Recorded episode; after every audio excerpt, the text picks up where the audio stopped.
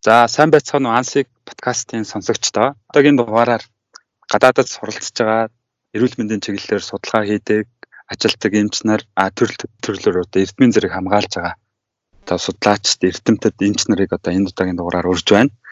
Энэ удаагийн одоо анхны зочноор ангаахын их сургуулийн нэг ангийн маш одоо мундаг найз болох Чэ Сүрэнжавыг урьж байна. А Чэ Сүрэнжав болохоор Нидерландын вант улсын Лейден University Medical Center а уушигны төвд одоо судлаачаар суралцж эхлээд удаагүй байна. Тэгэхээр сайн байна уу Сүрэнжава? Сайн байна уу? Аа сайн байна уу. Энэ өдрийн мэнд За Ансиг подкастын сонсогчдод болон Ансиг подкастын хамт олон энэ өдрийн мэнд хүргэе. За бидний урилгыг хүлээж авсан Сүрэнжавда маш их баярлалаа. Аа тэгээд Сүрэнжава одоо юуны чиглэлээр одоо судалгааны чиглэлээр одоо суралцж байгаадаа сонсогчдоо одоо товч тайлбарлаач. За сайн байна уу? Юун түрүүнд подкастад намайг анхны төчин болгон урьж оролцуулж байгаад баярлалаа. За миний би а Нидерландын Вант улсын Лейден хотод байдаг Лейден их сургуулийн харьяа Лейден University Medical Center буюу Лейден их сургуулийн эмнэлэгт эмнэлгийн зүрх уушгины төвд зүрх судасны чиглэлээр судлаачаар одоогийн байдлаар ажиллаж байгаа. А ямар одоо зүрх судасны чиглэл одоо нарийн мэрэгшиж суралцж байна? За ледник сургуулийн дээр байрладаг энэ зүрх уушгины төв маань одоо зүрхний чиглэлээр зүрх судасны чиглэлээр олон төсөл хэрэгжүүлдэг нэг нь бол зүрхний чиглэл зүрхний шигдээсийн дараах өвчтнүүдийн зүрх судасны системд гарч байгаа өөрчлөлтийн талаар судлах юм чуулган чиглэлүүдийг миний би энэ дундаас зүрхний шигдээсийн дараах зүүн зүрхний булчингийн одоо өөрчлөлт дасан зохицох байдлын талаар судалгаан дээр яг одоогийн байдлаар ажиллаж байна. Аа тэгэхээр ерөнхийдөө одоо ард иргэдэд оё ингээл ингээ залуучууд сонсоход ер нь зүрхний дутагдал тал руу зүрхний шигдээсийн дараа зүрхний дутагдлыг одоо хэрхэн үүсэж байгааг бол судалж байна гэж ойлгож болох юм байна тий. Аа тэгж ойлгож болохоор нь. За тэгэхээр ард иргэдэд одоо боловс эрүүл мэндийн боловсрал олгох залуучууд тэрний гэр бүлд одоо эрүүл амьдралын хэм маяг уралхад зүрхний дутагдлын талаар одоо та чамтай тодорхой хэмжээний одоо ярилцах нь зүйтэй юм байна гэж ойлголоо. Тэгэхээр чиний бодлоор одоо зүрхний дутагдал гэж яг юу хэлээд байна? За миний өөрийн маань судалгааны чиглэлүүд өмнөх ажлууд маань ер нь зүрхний шигдээс тэрний түүний дараах өвчтний тавилан ямар байгаа юм бэ гэдэг талаар илүү хийгдсэн байдаг. За энэ чиг Тэгэхээр үүднээс ч гэсэн энэ тус судалгааны төв дээр одоо зүрхний шигдээсийн дараах зүрхний булчингийн дасан зохицлын байдал энэ талаар судалгаан дээр ажиллаж байгаа. За юун төрөнд зүрхний шигдээс гэдэг маань хүчил төрөгч болон цусан хангамжийн алдагдлын дутагнагчлалын улмаас зүрхний булчин өгчөж гэмтэх ийм өөрчлөлтийг хилээд байгаа. Тэгэхээр багтсан яаралтай тусламжийг үзүүлж чадвал бид нар зүрхний булчингийн маань хүчил гэмтлийг маш бага хэмжээнд хүртэл хязгаарлах боломжтой байдаг. За энэ дэвшилтэд дэмжлэгээ боломжлогооны технологиуд орчин үеийн анагаах ухааны хэвтэрсэн хэдий ч нэгэн зүрхний булчин хүчиж гэмтэж байгаа бол тэнд ямар нэг байдлаар түүнийг орлон нөхөх зорилгоор зэрэгэлдэх зүрхний булчингийн эдүүд дасан зохицох өөрчлөлтөнд ордог байгаа. Хэрвээ засан зохицох өөрчлөлт маань амжилттай сайн явагдаж чадвал нийт зүрхнийхаа бүхэл бүтэн зүрхний үйл ажиллагаанд маш бага өөрчлөлт гараад бие махбод ямар нэг тийм зүрхний дутагдлын шинж тэмдэг буюу зүрхний дутагдал гэдэг арга өвчл үүсэхгүйгээр дасан зохицож болдог. За хэрвээ үүний булчингийн маань гинтэл том хэмжээг хамарсан байгаа тохиолдолд дасан зохицох процесс хангалттай сайн явагдаж чаддаггүй. Үүнээс үндслээд бусад өвчлөлт өртөөгүй зүрхний булчингуудад ачаал нэмэгдэх өндөр ачаалтай нөхцөл ажиллах тийм шаардлага бий болж гарч ирдэг. Үүнтэй үндслээ зүрхний булчин зүрхэнд маань бүтцийн болон үйл ажиллагааны өөрчлөлтүүд урт болон богино хугацаанд гараад явдаг байгаа. Зохицлын энэ хэлбэрийг бол бид нэр өөрчлөж илрүүлж хямд чадах хянах чиглэлээр судалгааны ажлууд одоогоор явагдаж байна. За хэрвээ ингэж бүрэн зүрхний хэвийн үйл ажиллагаа бүрэн сэргээч хэмжээнд хүртэл дасан зохицож чадаагүй тохиолдолд зүрхний дутагдал гэж зүйл үүсээд ийм л товч ойлголттой гэдэг. Аа одоо миний ч одоо нарийн мэрэгжлийн чиглэл бол зүрх судас өөрөөр хэлбэл а яг энэ зүрх судасны өвчин одоо Монгол улсад дэгөө дэлхийд бол маш их тархаж маш их хүн өвдөж нас бардаг. А тэр дундаа Монгол улсад одоо сүүлийн одоо 10 20 жил бол а зүрхний шигдээс гэдэг эмгэг бол одоо маш их тархалттай маш их олон хүнийг одоо зүрхний дутагдалт хүргэж болбор нас баралтанд хүргэдэг гэдгийг сонсогчд маань нэн тэргуунд мэдэх ёстой. Одоо Монголд энэ зүрхний дутагдлын одоо хамгийн том шалтгаан нь зүрхний шигдээс гэж логик байдлаар тэгж харж байна л да. Яагаад гэвэл аслагдсан хөдөө орон нутагт ингээд тархаа бутраа сүршдэг учраас зүрхний шигдээсэр өвдсөн хүмүүс маань одоо яг ингээд цаг яаралтай одоо арга хэмжээ авч яг тэр чиний хилдэг шиг те зүрхний булчингийг эмнэлэг мах маш бага түвшинд барих одоо энэ асуудал бол нэлээ их юм сонжирсан, цаг алдсан, а тусламж үйлчлэгийн тодорхой хэмжээнд одоо одоо хүртээмжгүй нь улмаас одоо энэ зүрхний дутагдал Монгол хүмүүст их үүсэж байгаа гэж одоо ойлгож болох уу? За, энэ түрүүн зүрхний дутагдал маань маш олон шалтгаантай байж болно. Нэгдүгээр гаралт ихс хүчин удаан жил үргэлжилснээр зүрхний булчинд хэд ачаалтай нөхцөлд удаан хугацаагаар ажилласнаар зүрхний дутагдал үүсч болдог. За хоёрдугаарт бол зүрхний булчин маань өөрөө хэд хэд эмгэлгээр хэд их зузаарснаас шалтгаалаад одоо тийм хөшөөн агшид сунах байдал нь хөшөөн болдог болж өөртөг. Энэ дэлбэрийн зүрх гарч байгаа өөрчлөлийг бид гипертрофийн кардиомиопати гэж нэрлэдэг. За энэ бүтгэлийн тусдаа нэг хэлбэр. Хоёрдугаарт, гуравдугаарт мөн ордог үндсэн шалтгаануудыг бол энэ зүрхний шигдээсийн дараа үүсэж байгаа зүрхний дутагдлууд ордог байгаа. За олон улс зүрхний шигдээстэй холбоогоор үүсдэг энэ зүрхний дутагдлын хэлбэрийг бол ер нь амжилттай ажиллах эмчлэгдэх тийм практик туршлагууд бол бий болцсон. Энэ юутай холбоотой гэхээр зүрхний шигдээс болсон үед цаг алдалгүйгээр цаг алдалгүйдээ болохоор би 2 цагийн дотор шинж тэмдэг ихээсээс хойш 2 цагийн дотор хугацаанд судсан доторх мэсгэлийн аргаар тэг бүглэрсэн онгойлгох замаар одоо зүрхний шигдээсийг гимтлийг богино бага хэмжээнд байлгах богино хугацаанд эмчлэх тийм арга технологи нэгэнд нэвтрээд хөвшмөл болсон учраас энэ төрлөө энэ үүнээс шалтгаалсан зүрхний дутагдал үүсэх процесс үйл явдал харьцангуй бага байдаг байгаа. А манай онцлог нь болвол зүрхний шигдээсийн үеийн энэ судсан доторх одоо эмчилгээний яаралтай тусламжийг зөвхөн нэг эмнэлэг дээр буюу 3 дугаар эмнэлэг дээр одоо 24 цагийн хугацаа турш ингэж үзүүлж байгаа. А нэгдүгээр хүн хүчний дутагдал үүс дутмагшилтай байдал үүсэх тийм нөхцлөөс шалтгаалдаг. Хоёрдугаарт бол одоо ганцхан төв дээр байгаа учраас улс орон даяар одоо хаач хөдөө орон нутагт хаач тохиолдсон зүрхний шигдээсийн тохиолдол бүгд энэ хот руу Улаанбаатар хот руу 3 дахь эмнэлэгт ирэх шаардлагаас шаардлагатай болдгоос энэ хугацаа алдах буюу 2 цагийн дотор амжиж ирч чадахгүй байх ийм шалтгаанаас үүсэж шалтгаалж одоо яванда астаа бол хэдий яг тухайн зүрхний шигдээс болсон үедээ амь нас нь аврагдаад гарч байгаа боловч урт хугацаанд 5 жил 10 жилдээ бол зүрхний дутагдал үүсэх эрсдэл өндөр болоод үлдчихэж байгаамаа гэж ойлгож байна. За тэгэхээр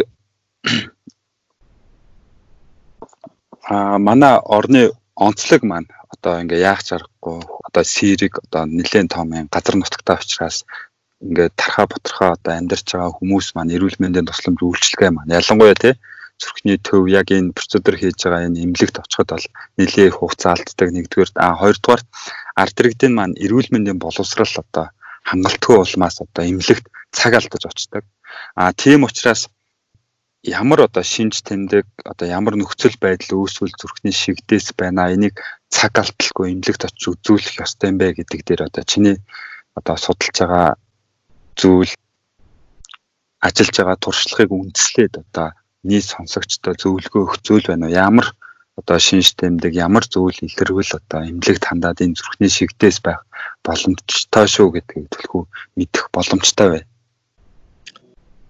зүрхний шигдээсээ үед илэрдэг хамгийн түгээний шинж бол цээжүр өвдөх шинж байгаа даа. А цээжээр маш хүчтэй өвдөө тэр нь бол ямар нэгэн өвдөлт намчин намдаа юм дарагдахгүй байх юм шинжлэнд бол хамгийн түгээмэл илэрдэг гэж үздэг. Орчин үед бол энэ нөгөө халдвар тус өвчлөлийн хүрээнд хүн нэг хүн хүн амын донд олон халдвар тус өвчин одоо чихний шижин даралт ихсэлт хангамжийн дутмагшил зүрхний дутагдал За тэгээд мөн адил уушигны архаг бүглэрэлт өвчнүүд гэх мэт энэ олон өвчнүүд нэг хүнд хавсарсан хэлбэрээр байх тохиолдлууд элбэг болоод байгаа. За тэгэхээр үүнээс нэг маш хүчтэй өвддөг. Жишээлбэл одоо бидний оюутан ахуй цагт энэ цээжээр ингээд одоо хотголж байгаа юм шиг хүчтэй өвдөг гэдэг тийм өвдөлтөөр биш баг хөнгөн хэмжээний өвдөлтөөр илэрдэг. а яг гэсэн илүү цээж давчдах, амьсгаадах хоолой ийм шинжээр илэрх хэлбэр бол айгүй сүүлийн жилүүдэд их түгээмэл болсон байгаа. Өөрөө нөгөө маш хүчтэй өвдөн гэсэн ойлголттой хүмүүсийг төөрөгдөлд оруулах гайгүй болчих болов уу гэж хардснах хүлээх тийм асуудал руу түлхдэг байгаа. Юунд нэгэнд одоо бид нар тийм шинж тэмдэг магадгүй зарим тохиолдолд их тод илэрэн, зарим тохиолдолд их бүдэг илэрч байгаа иймэрхүү тохиолдлуудад бол бид нар юун туруунд яаралтай тусламжид хандаж одоо зүрхний бич цахилгаан бичлэг тийм бүгдийн анхан шатны шинжилгээг зүрхний цахилгаан бичлэг хийлгэснээрээ өвчнийг яг зөв шигдээс мөн байна уу биш байна уу гэдэг оншийг тодорхойлох ихний алхам болох юм. Тэгэхээр энэ тохиолдолд бол ямар нэг цээжүүрүүд ямар нэг зөв байгаа бол тэр нь болохоор гинт зочмог илэрч байгаа тохиолдолд яаралтай тусламжийг дуудаж зүрхний цахилгаан бичлэг хийлгэж тодруулах нь зүйтэй болов уу гэж одоо зөвлөмөр байна. Угаасаа дэлхийн одоо олон орны өдөрт одоо эмчилгээ онцлогооны өдөр төвчүүд хүртэл энийг зөвлөсөн байдаг. Зүрхний бичлэг хийлгэснээрээ бид нэр яг өвчний онц тогтоохоос гадна ямар хэлбэрийн бюрхний бичлэг дээр үндэслээд цаашдаа ямар анхаарах хэмжээ авах вэ гэдэг тийм менежментийн асуудал их э, тодорхой болж өгдөг байгаа.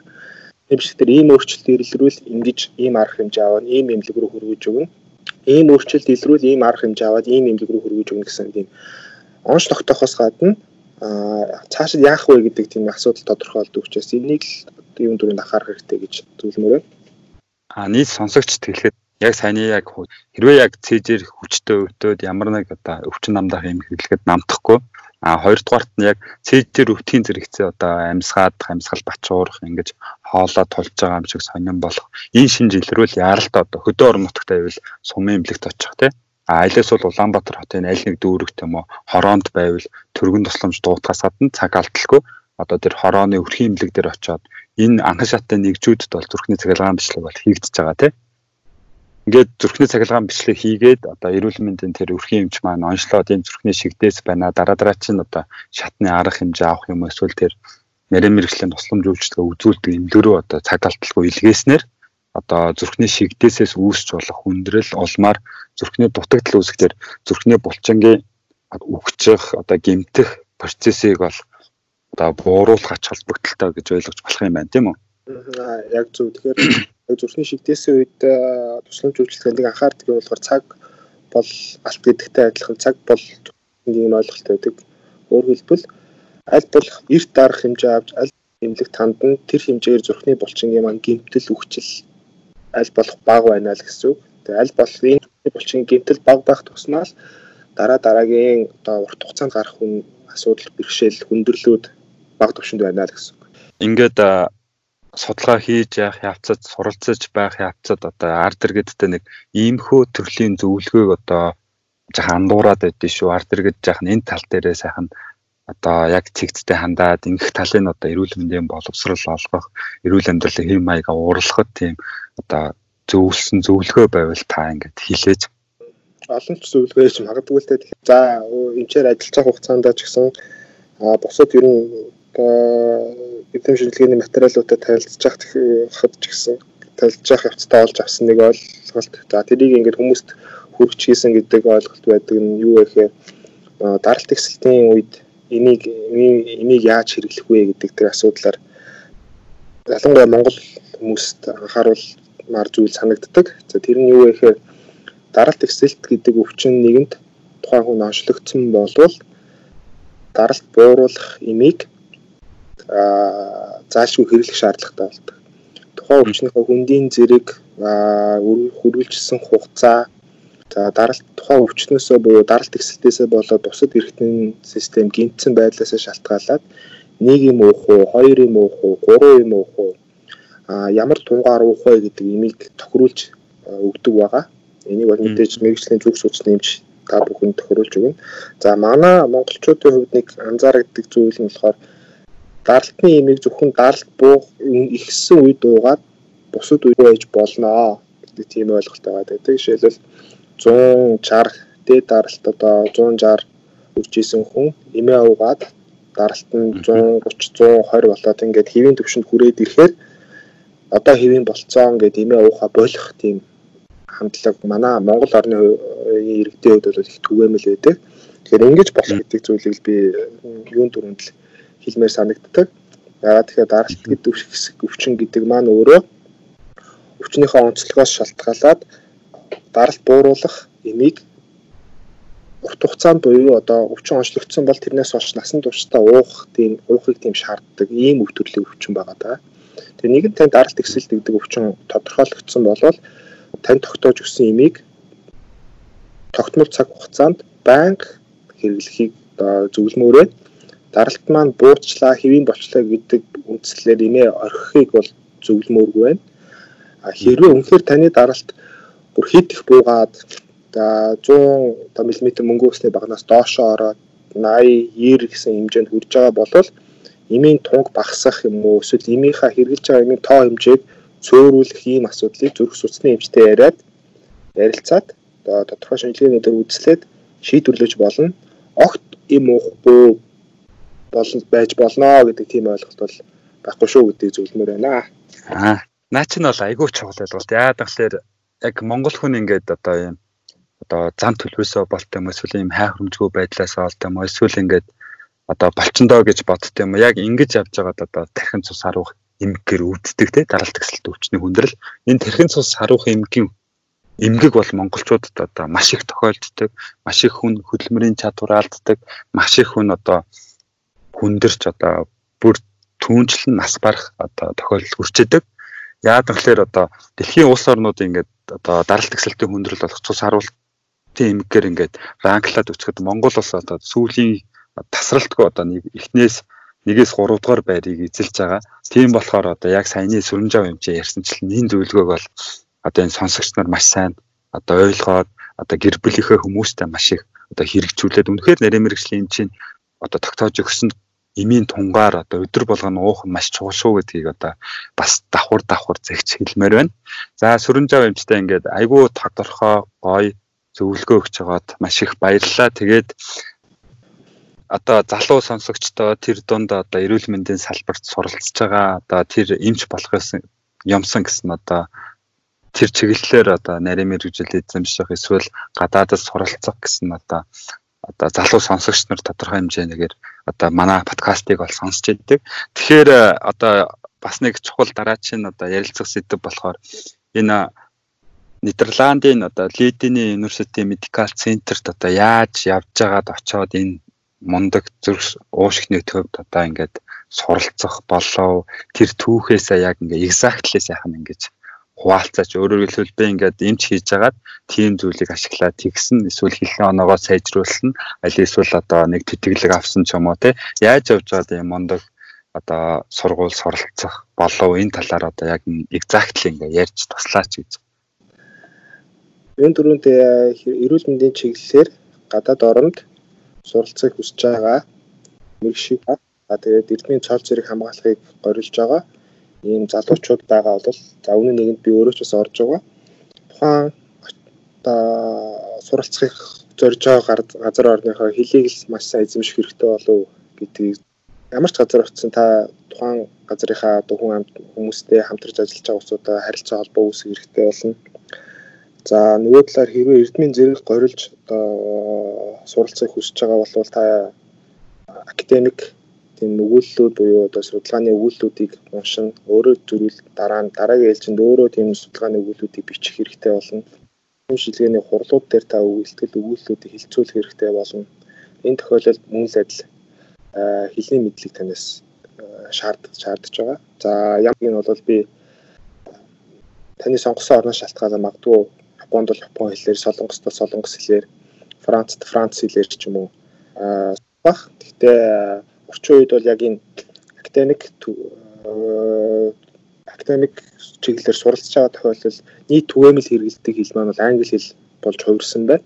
Магадгүй бидний аав ээжийн үед бол орос хэлээр академик баг мэдээллүүдийг бид нар авдаг байсан бол одоо мэдээллийг аль дэлхийн аль ч оронд очисон Японд, Солонгос, Америк зураа гэж зөвлөмөр. За тэгвэл одоо жишээлбэл англи хэлний IELTS нь одоо 6 юм уу 6.5 оноо TOEFL-ийн тодорхой оноо авчлаа тий. Магадгүй одоо ингээд англи хэл сурч явах явцдаа судалгааны өгүүл одоо суралцж байгаа оюут нь эмч нар бол тодорхой хэмжээр уншаа сурцсан байгаа.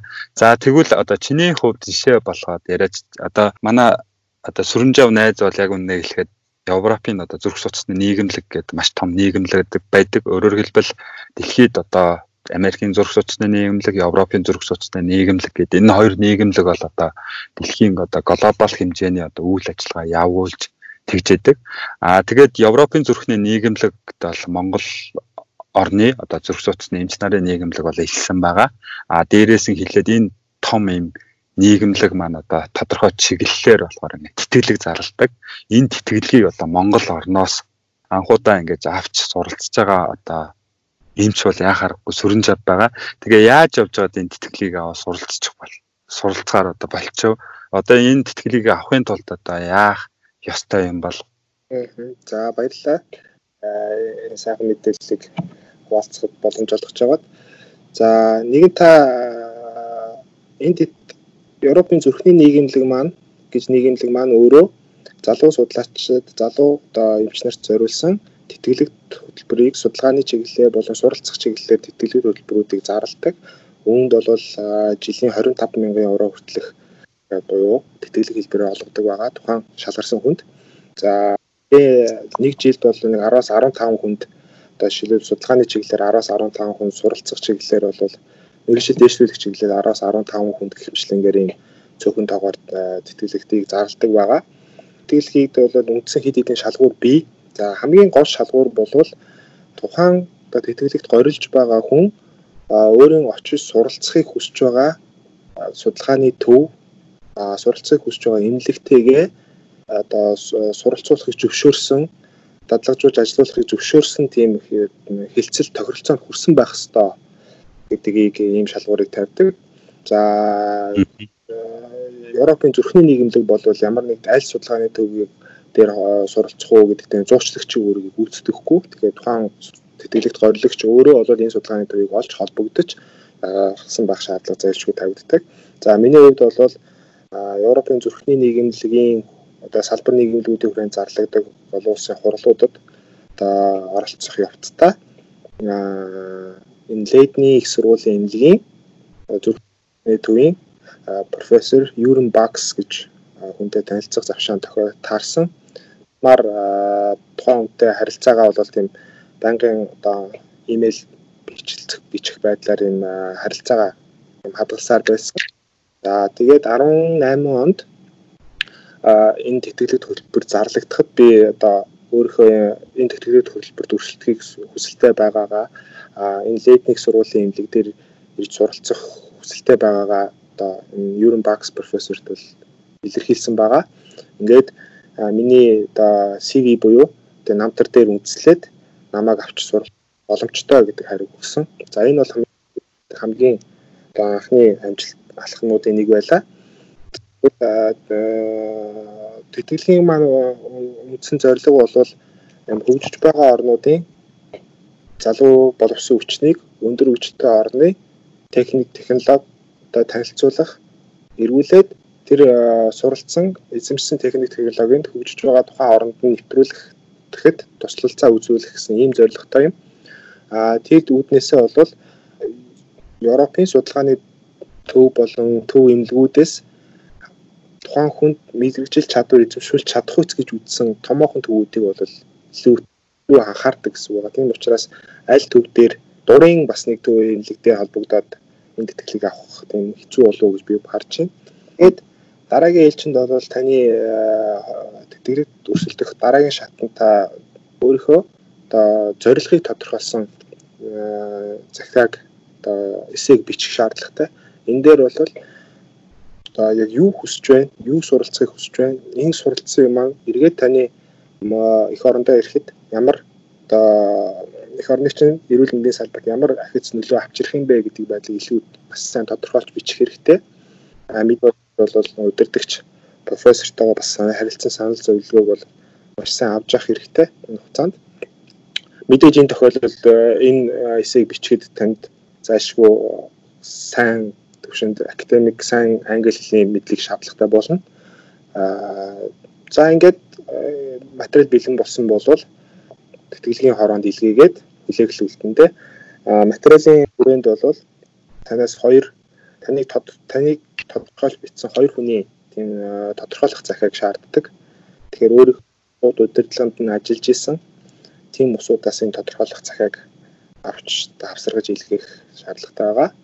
Бидний бас нэг шалгуураас мэдээж ай хилний оноог бол хилний оноо албан ёсоор хилний оноо авсан байдлыг бол материал тавсаргаж илүүл илгээ үйл илүү давуу тал болно. Огт хилний оноо авуулахад таны мэдээс давуу талт болж харагдана гэсэн хатуудыг дамжсны үндсэн дээр 19 онд тэтгэлэг төлбөр шалгараад одоогоор лидник сургуулийн эмнэлэг дээр судлаачаар суралцаад ажиллаад байж байна.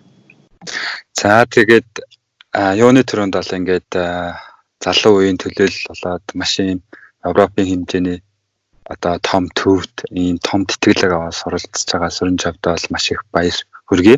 Тэгээд одоо ингээд тэтгэлэгтээ суралцж ирээд одоо Монгол орондоо ирж ажиллахыг бол туйлын одоо миний би хүсэж байна. Тэгээд Монгол оронд одоо ирж ажиллавал юуны төрөнд одоо ямар чиглэлээр эрүүл мэндийн тусламж үйлчлэгийг сайжруулъя гэж бодож байна. Миний хувьд бол ихэнх эмчээ эмчээр ажиллахаас ажиллахын зэрэгцээгээр эмнэлэг зүйн чиглэлийн судалгаанууд дээр бас ажиллах оролцох хийх тийм сонирхолтой энэ үдээсээ бас манад манай оронд эмнэлэг зүйн чиглэлийн судалгаанууд бас түлхүү хөгжөөсэй гэж э, хүсдэг.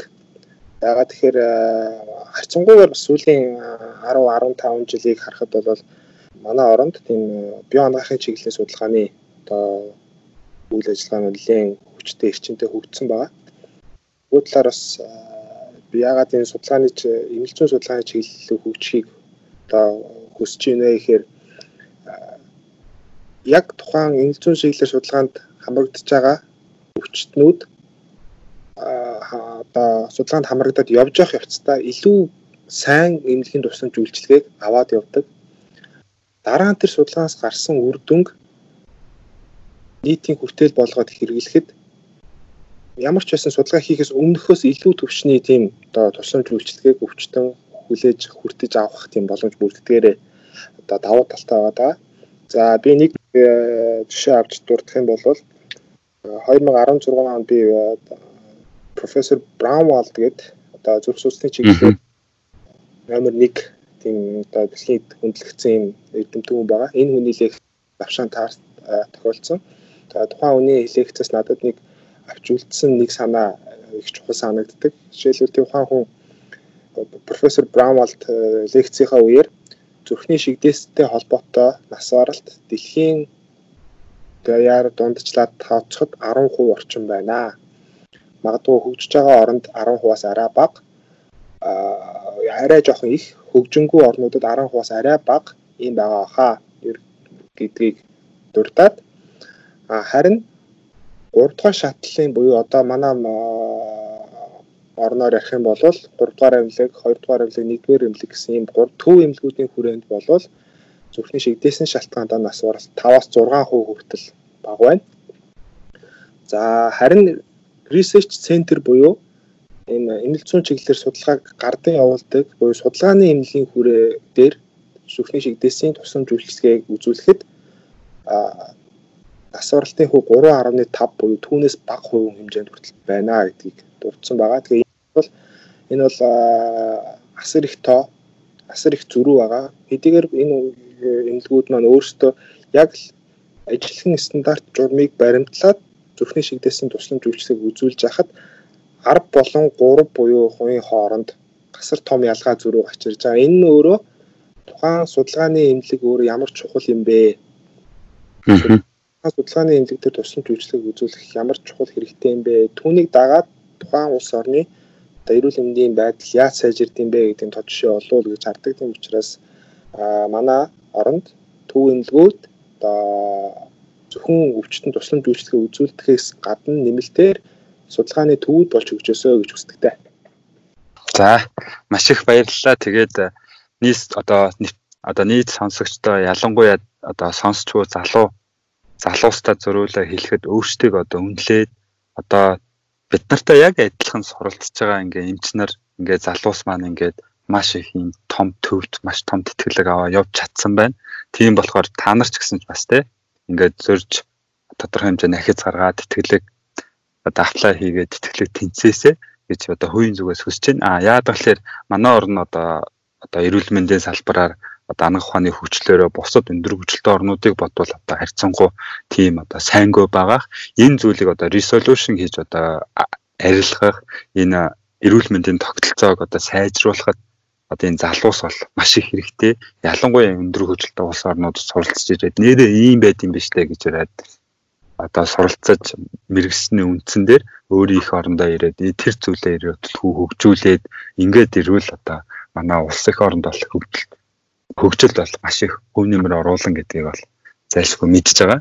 Тийм болохоор сүрэнжав одоо судлаачтай эмчтэй цаашдын одоо ажилд болон сурлагт нь өндөр амжилт хүсье. За баярлалаа. Подкастаа үргэлж. За тэгээд нийт сонсогчтой одоо ингээд зөрүүлээд одоо хэлэх тийм үг байвал одоо хэлээд тэгээд энэ удаагийн яриагаа өндөрлөе.